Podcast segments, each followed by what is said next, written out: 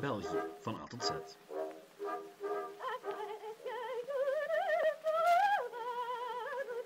Welkom bij Geschiedenis van België.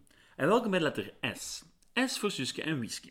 Niet zozeer de geschiedenis van de stripreeks zelf, maar over hoe die stripreeks omgaat met de Belgische geschiedenis. Zowel het verre verleden als het eigen tijdvak waarin de strips uitkwamen. Bijgevolg hebben we het in deze aflevering onder meer over de koningskwestie, de Spanjaarden, de post, de dioxinecrisis, hippies, het ijzeren gordijn, de Vietnamoorlog en de schoolstrijd. Dat en nog veel meer in deze aflevering van Geschiedenis van België.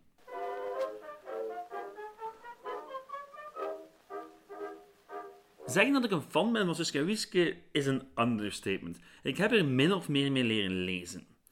En een ander dingetje dat Suske Wiske voor mij gedaan hebben, dat is een zaadje planten. Dat van de absolute fascinatie voor geschiedenis. Want geschiedenis is alom aanwezig in die strips. Soms in kleine verwijzingen, zoals Lambiek die in tijden van crisis spontaan loopgraven aanlegt in zijn tuin, soms door een hele aflevering in het verleden te situeren. Maar er is ook nog een andere manier waarop je de Suske Zawitske strips kan lezen vanuit historisch perspectief.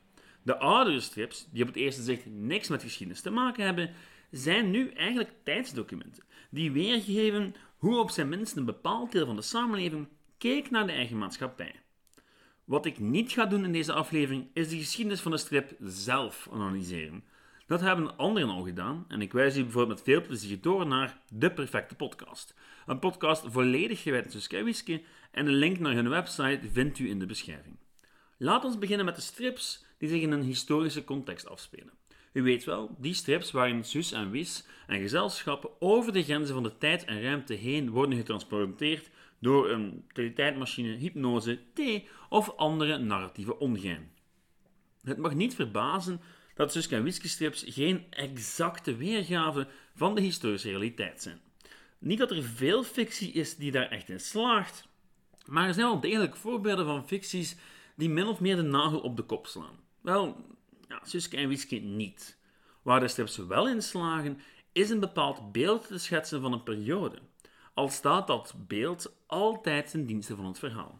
Een van de mooiste voorbeelden daarvan is Het Spaanse Spook. In 1952 uitgegeven speelde het verhaal zich af in Brabant in het jaar 1565. Slechterik van dienst is de hertog van Alva die de Brabantse gemeente Kriekenbeek belegert. En de schilder Pieter Breugel is een boeiend nevenpersonage. Nu, onze vrienden komen met bemiddeling van het Spaanse spook uit de titel de burgers van Kriekenbeek te hulp en slagen erin met behulp van een brief van de Spaanse koning en wat heroïek van Lambiek om het beleg te stoppen. Nu, dat verhaal is niet historisch correct. Helemaal niet. Ten eerste bestaat er helemaal geen plek genaamd Kriekenbeek en was er in 1565 nog geen sprake van Alva. Die kwam pas na de beeldenstorm. Zie aflevering 6 van deze podcast. En toch, toch vind ik dat die strip een zekere historische meerwaarde heeft. Oké, Van der Steen dweept duidelijk met de geuzen, maar desalniettemin toont hij het Brabant van de 16e eeuw, inclusief soldaten, herders, eellieden, burgers enzovoort. En dat hij zich daarvoor in grote mate op Breugel baseert, valt wel degelijk op, maar het doet niets af aan de manier waarop hij kastelen, stadspoorten en dergelijke afbeeldt. Ik ben het nagegaan, geloof het of niet, maar Van der Steen lijkt zich zoveel mogelijk gebaseerd te hebben op schetsen, oude foto's, landkaarten en dergelijke om een historische wereld te scheppen. En goed, het verhaal mag dan weinig historisch om het lijf hebben, de wereld heeft dat wel. En dat geldt eigenlijk voor de meeste historische Skzawiske-strips. Ook voor diegenen die door Van der Steens opvolgers gemaakt werden. In de aflevering over de post had ik het bijvoorbeeld al over het album De Kleine Postruiter. Een album met een grotendeels fictief verhaal, inclusief magier en een adelaar genaamd Frits. Maar net als in het Spaanse spook, waren veel van de personages, locaties en kledingskeuzes wel degelijk grotendeels correct gebaseerd op de reizen en het onderzoek van Geerts in Duitsland en Oostenrijk. Volledig historisch correct? Nee. En veel van de latere historische verhalen hadden immers niet alleen een fantasierijk verhaaltje, maar daarboven ook nog ja, gebruik van een heleboel anachronistische humor, zoals een paard dat Mercedes heet, verwijzingen naar Zorro, James Bond en vele anderen. Maar de meeste van die albums geven wel een zekere sfeer weer, geven een zeker idee van dat verleden. En laat ons eerlijk zijn, dat alleen al is vaak genoeg om kinderen een zekere interesse voor geschiedenis te geven. En wat mij betreft heeft het dan niet bijzonder veel belang of alles klopt. Als het maar duidelijk is dat er vrijheden genomen worden. Want wat heeft een kind nu eigenlijk aan een droge, historisch correcte strip? Relatief weinig. Het planten van het, van het zaadje van historische interesse is waarschijnlijk een stuk belangrijker. Dat is in elk geval mijn mening. Oké, tot daar deel 1 van deze aflevering over de historiciteit van, van de historische albums. Deel 2 ligt iets minder voor de hand. In deel 2 wil ik het hebben over hoe je en Wisk-albums kan lezen als een reflectie van de grote maatschappelijke tendensen en debatten van die tijd. Als historische bronnen eigenlijk. Want achteraf gezien bleken heel wat albums vol te zitten van politieke en maatschappelijke verwijzingen. Soms waren het niet meer dan terloopse verwijzingen. Soms was het ogenschijnlijk over een schuldig album een aanklacht van een politiek of maatschappelijk thema. En soms lag het er redelijk dik op. Maar achteraf is het moeilijk om die altijd correct te interpreteren. Achteraf lijkt een dwaas verhaaltje weinig te maken hebben met politiek of geschiedenis, terwijl het in die tijd zelf volledig gewijd was aan de politiek. Een van mijn favoriete voorbeelden van een, van een album dat duidelijk politiek gemotiveerd was, is De Koning Drinkt. Voor het eerst gepubliceerd in 1947 lijkt het op het eerste zicht voor de moderne lezer een redelijk luchtig verhaal te zijn. Via een magische spiegel worden Suske en Wiske getransporteerd naar het rijk van koning Poefke van de Kannekijkers. De koning die drinkt. Eerst brengt Wiske hem opnieuw tot leven, want de koning is stervende door een doge lever. En ze brouwt bier. Vervolgens noemt hij zijn volk de, de kannekijkers en wordt hij de koning die drinkt. Zijn rijk wordt echter bedreigd door koning Cactus van de droge levers. Ja hoor, het hele conflict eindigt met beide koningen die dronken worden en besluiten vrede te sluiten. Nu, de centrale rol van bier in het verhaal is redelijk vreemd voor een kinderstrip, maar goed, verder lijkt op het eerste zicht weinig aan de hand te zijn. Tenzij je het verhaal leest met de ogen van 1947. Want wat was de belangrijkste politieke kwestie van 1947? De heropbouw van de oorlog, zeker. Maar voor de bevolking toen de koningskwestie. De vraag of Leopold III al dan niet terug naar België mocht komen na zijn discutabele rol tijdens de Tweede Wereldoorlog. Voor meer info zie aflevering Koningin 3 van deze podcast. Maar eens je de connectie legt tussen 1947, de koning drinkt, en de koningskwestie, dan wordt het wel redelijk duidelijk dat dat, dat, dat verhaal echt wel over de koningskwestie gaat. Zij in een mooi, kinderlijk, sprookjesachtige, alcoholische context. Ik zal het uitleggen. Als duidelijk wordt dat er een invasie op til is, stelt koning Poefke zichzelf de vraag of hij veiliger oorden opzoeken moet. En daarop antwoordt Wiske in de originele uitgave met volgende woorden. ja, maar zeg Poefke, het is niet afstappen en de grote Jan komen uithangen als de oorlog voorbij is, hè? Sorry daarvoor. Nu, wat voor de lezers van 1947 een duidelijke verwijzing is naar de Belgische regering, die tijdens de oorlog uitweek naar Groot-Brittannië. En wat later in het verhaal nog duidelijker wordt, is Van der Steens mening over die hele zaak. Want wat zegt Poefke op een bepaald moment? wat kan onze weerstand hier nog baten? Ik geloof dat ik er beter aan gedaan had mijn volk niet alleen te laten. Waarop Wiske opnieuw in de originele versie antwoordt: dat is maar een gedachtboefje. Begin dan maar al met een villa in Zwitserland te huren. Een duidelijke verwijzing naar koning Leopold die in Zwitserland zijn terugkeer naar België afwachtte. Nu, uiteindelijk werd het kasteel van koning Poefke in het verhaal ingenomen door parachutisten, wat de verwijzing was naar de inname van het fort Eben eenmaal in 1940. En nu, dat verhaal mag dan wel een duidelijke persiflage zijn, het is niet het enige verhaal over de koningskwestie, of waar de koningskwestie echt wel aan bod komt, dat Van der Steen gemaakt heeft in die periode. Want in 1947 was die natuurlijk nog niet afgelopen.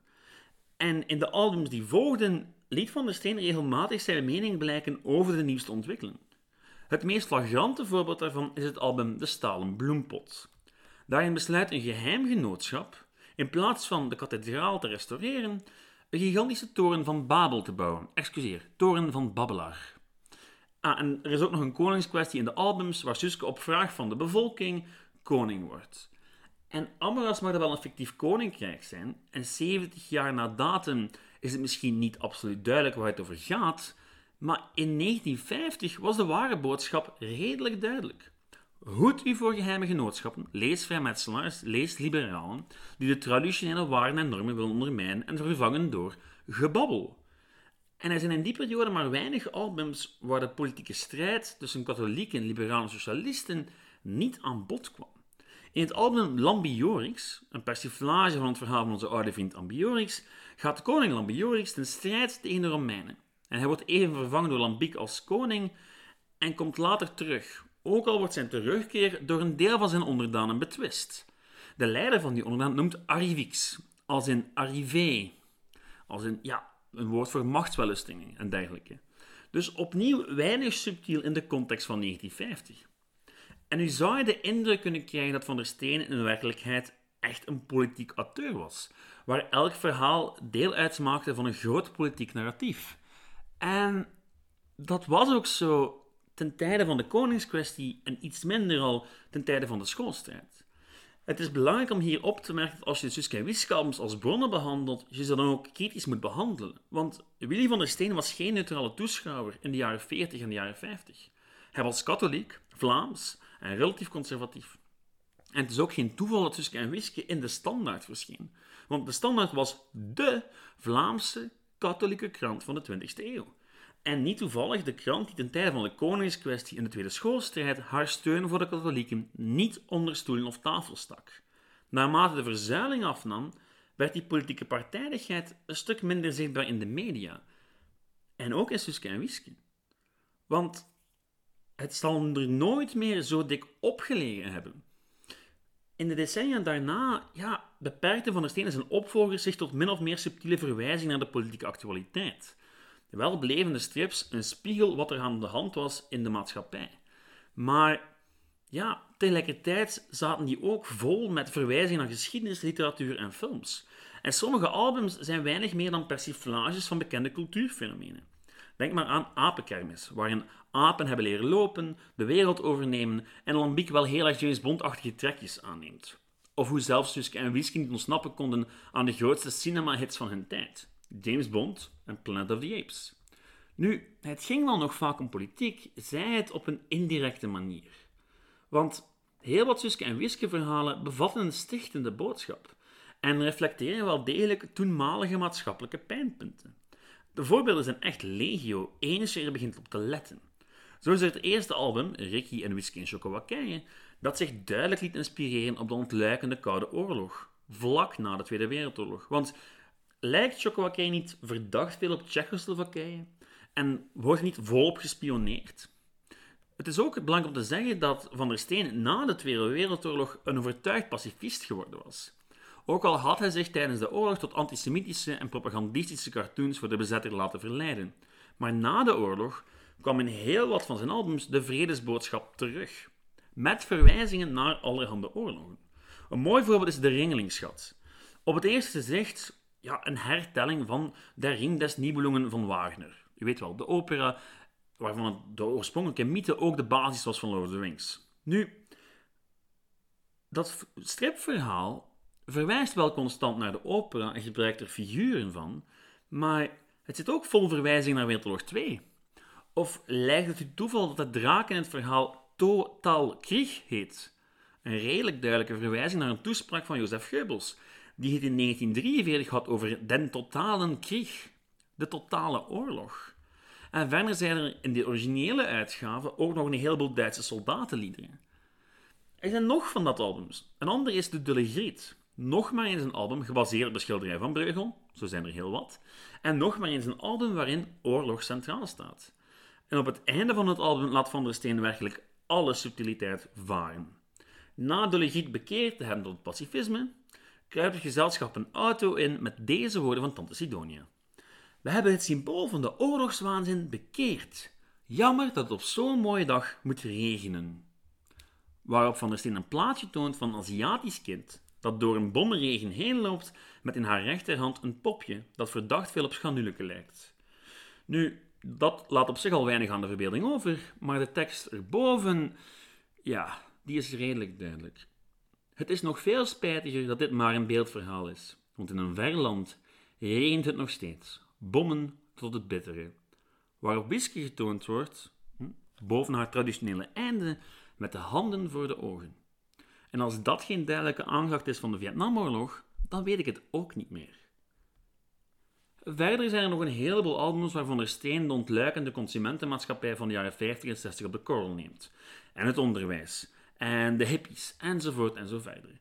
Nu, die consumentenmaatschappij, ja, daar zijn een paar heel concrete voorbeelden van. Bijvoorbeeld het album De Poenschepper. Een album waarin Lambiek letterlijk zijn ziel verkoopt aan een stel duivels om geld te kunnen verdiepen in de zakenwereld. En uiteindelijk gered wordt door een zwerver die zijn ziel opgeeft. Ook hippies, het vervagen van waarden en normen, de losbandigheid van de jeugd en vele andere zaken kwamen net voerig aan bod. Wat me tot de volgende conclusie brengt. Je kan Suske en Wiske albums, en al zeker die van Van der Steen zelf, altijd op twee manieren lezen. Enerzijds als onschuldige kinderverhaaltjes, anderzijds als verhalen met een duidelijk educatieve en moraliserende bedoeling die inspelen op wat Van der Steen zag als de problemen van zijn maatschappij. En ze reflecteren dan ook de maatschappij waarin ze geschreven zijn en bieden een moderne lezer een werkelijk fascinerende blik op het België van de tweede helft van de 20e eeuw. En ja, vaak zijn die albums belerend en af en toe seksistisch en racistisch. Absoluut. Net als de maatschappij waarin ze gemaakt werden. En door ze te lezen kan je ook net de evolutie zien. Zien hoe de verzuiling langzaam uittoofde, hoe religie steeds minder belangrijk werd, hoe de populaire cultuur evolueerde enzovoort en zo verder. En dat, kort samengevat, is waarom ik regelmatig nog eens een oud album ter hand neem. Om een kijkje te nemen in een wereld die al lang niet meer bestaat. Tot daar deze analyse van de historische waarde van Suske en strips. Ik zou gerust nog een tijdje door kunnen gaan, maar letter T staat al te drummen in de gang voor volgende week. Wie meer wil lezen over de politieke en maatschappelijke context van Suske en Wiske albums, raad ik van ganser harte de thesis van Evelien Boender aan. Getekende tijdsgeest noemt hij waaruit ik geput heb voor het tweede deel van deze aflevering. Um, en er is natuurlijk de al eerder vermelde podcast. Links vind je in de beschrijving en mijn andere bronnen post ik wat later deze week. In elk geval heel erg bedankt voor het luisteren. Wilt u de podcast een handje toesteken? Wel, dat kan. U kan ons volgen op Facebook, liken op Spotify en iTunes. Maar waar u nog het meeste mee helpt, is het delen van de podcast met vrienden die ook geïnteresseerd zijn in de geschiedenis. Want hoe meer volk er luistert, hoe langer ik dit blijf doen. Goed, tot daar de promo van deze week. Volgende week keren we terug naar 1831 en hebben we het over de tiendaagse veldtocht. De laatste krachtmeting tussen Willem I en zijn ex-onderdanen. En dat wordt een leuke aflevering. Tot dan en bedankt voor het luisteren. Ciao!